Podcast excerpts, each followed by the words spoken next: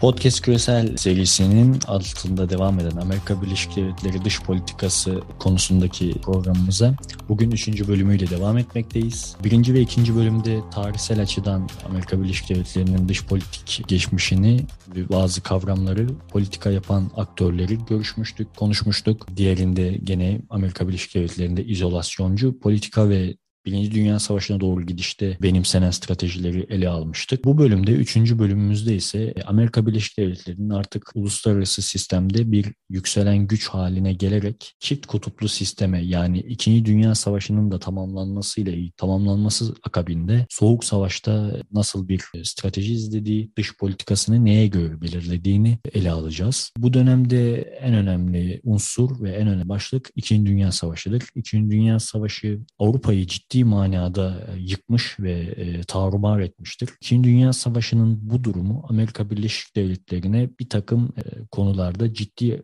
tehdit oluşturmuştur. Öncelikle Nazi Almanyası'nın Avrupa'yı tarumar etmesinden sonra ve İkinci Dünya Savaşı sonunda Almanya'nın tam tersine tarumar edilmesinden sonra dünyada Sovyetler Birliği ve Amerika Birleşik Devletleri ön plana çıktı. Yeni bir sistem, yeni bir yapılanma meydana gelmiş olup bu sistemde ön plana çıkan ideolojik ayrışma ise liberalizm ve komünizm olarak gerçekleşmiştir. Komünizm bu dönemde Amerika Birleşik Devletleri ve liberal dünya için ciddi manada tehdit unsuru olarak ön plana çıkmıştır. Özellikle komünizmin ve Sovyetlerin komünizmi yayma planlarının, stratejilerinin Amerika Birleşik Devletleri tarafından dış politikada hangi hamlelerle karşılandığı ve nasıl bertaraf edildiği çok önemlidir. Esasen Amerika Birleşik Devletleri bu süreçte yani İkinci Dünya Savaşı'ndan sonraki süreçte dünyanın hegemon gücü olma serüvenini yaşayacaktır ve bu sürecin akabinde Soğuk Savaş'ın tamamlanması itibariyle artık hegemon bir güç olarak tek kutuplu sistemin en güçlü unsuru veya güçlü devleti olarak ön plana çıkacaktır. Bu dönemde Sovyetler Birliği'nin komünizmi özellikle Avrupa'nın batı kısmına yayma girişimleri ciddi hız kazanmıştır. Öte yandan komünizmin yayılması gibi tehlikenin var olması haricinde Sovyetler Birliği'nin de en az Amerika Birleşik Devletleri kadar militeri yani askeri açıdan etkili ve kapasitesini ciddi manada arttırıcı bir konumda olmasıdır. Amerika Birleşik Devletleri'nde var olan bir takım nükleer silahların hemen hemen eşdeğerleri ve karşılıkları Sovyetler Birliği'nde de bulunmaktadır ve Amerika Birleşik Devletleri bu açıdan ciddi bir tehdit hissetmiştir. Realist ideolojiden bakıldığı zaman da bu ortaya çıkan iki gücün birbiriyle denge savaşı tam realizmin gerektirdiği şekilde karşılık bulmuş ve her iki ülkede kendi çıkarlarına özgü, kendi çıkarlarına uygun şekilde hareket ederek karşılaşabilecekleri hasarları en minimuma indirmeye çalışmışlar. Bu dönemde Amerika Birleşik Devletleri bir takım doktrinlerle komünizme ve Sovyetler Birliği'ne karşı cephe almıştır stratejiler geliştirmiştir esasen dış politikayı var eden, bu dönemde dış politikasını var eden ana unsur da biraz biraz sonra vereceğim doktrinler. Bu doktrinlerden birincisi Truman doktrini 1947'de Başkan Truman tarafından ortaya çıkarılmıştır. Doktrinin ana amacı Türkiye ve Yunanistan gibi Sovyetler Birliği'nin doğrudan sınırları bulunan iki ülkede ve Amerika Birleşik Devletleri'nin çok önem atfettiği bu iki ülkede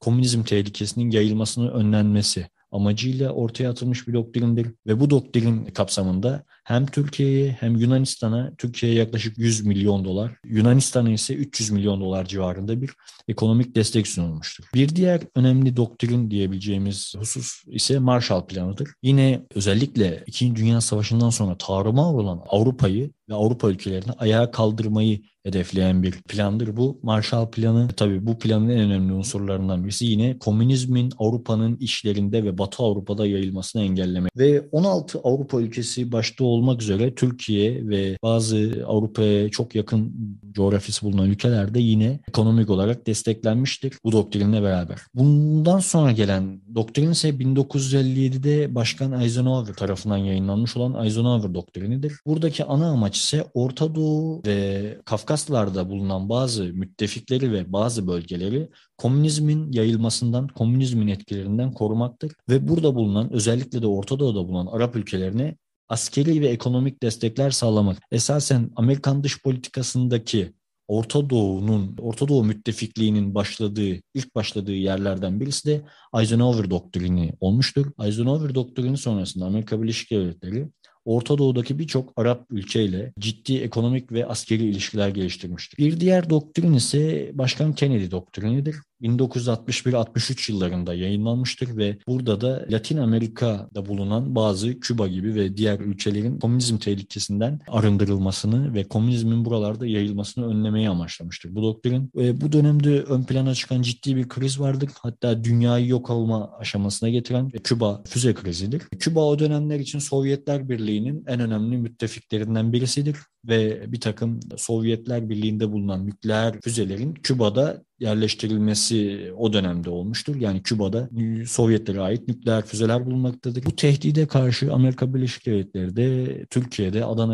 ve İncirlik üssüne bir takım nükleer başlıklar, nükleer silahlar yerleştirmiştir. O dönemde karşılıklı gerilimler yaşanmış ve iki ülke yani Birleşik Devletler ve Sovyetler Birliği esasen nükleer savaş aşamasına gelmiştir. Ancak elbette nükleer savaşın realizm açısından da her iki tarafı da ciddi manada yıkıma sevk sevk edeceği bilindiği için bu savaş gerçekleşmemiş. Ancak ciddi bir kriz olarak dünya tarihinde, dünya siyasetinde, dış politika tarihinde yerini almıştır. Bundan sonra gelen bir diğer doktrin ise Johnson doktrinidir 1965'te. Esasen bu doktrinde de yine komünizmin yayılmasını engellemek hedeflenmektedir. Johnson doktrininin şöyle bir özelliği de vardır. Türkiye'ye o dönemde Kıbrıs'a hareket yapmasından dolayı Johnson doktriniyle bir ultimatom verilmiştir Amerika Birleşik Devletleri tarafından ve bu ultimatomu da bir takım yaptırımlar takip etmiştir. Türkiye tarihi açısından da önemli bir yere sahip. Başkan Nixon doktrini 1969'da e, ortaya çıkmıştır. Bu doktrinin ana amacı ise nükleer silahların e, etkisinin ve tehlikesinin daha kontrol altına alınmasını hedeflemektedir. Çünkü hem Amerika'da hem de Sovyetlerde nükleer silah var ve bu silahlar kullanıldığı zaman her iki tarafta yok edebilecek özelliklere sahip hatta tüm dünyayı ciddi manada etkileyecek özelliklere sahip. Bu doktrinle de bunun kontrol altına alınması amaçlanmıştır. Jimmy Carter doktriniyle ise doktriniyle de 1979 yılında yayınlanan doktrinde Afganistan, İran gibi bir takım bölgelerde Amerika Birleşik Devletleri'nin eğer kendisine aykırı bir durum ortaya çıkması halinde askeri müdahalelerde bulunabileceği ve Sovyetlere karşı hamleler gösterebileceğini içeren bir doktrindir. O dönemde Sovyetler Afganistan'da oldukça etkilidir. Bu sebeple de Amerika Birleşik Devletleri Afganistan'da mücahitleri Sovyetlere karşı savaşmalar için desteklemiştir ve ilerleyen süreçte esasen gerçekleştirilecek Amerikan müdahalesine de o dönemde başlatılan Amerikan ilişkilerinin, Amerikalıların Afganlarla ilişkilerinin etki vurduğunu söylemek yanlış olmaz. Bu dönemdeki son doktrin olarak e, söyleyebileceğimiz ise Ronald Reagan döneminde ortaya atılmış bir doktrindir. Bu doktrinle de gene Afrika'da, Asya'da ve Latin Amerika bölgelerinde bulunan, e, Latin Amerika kıtalarında bulunan ülkelerde komünizmin yayılması engellenmek istemiştir.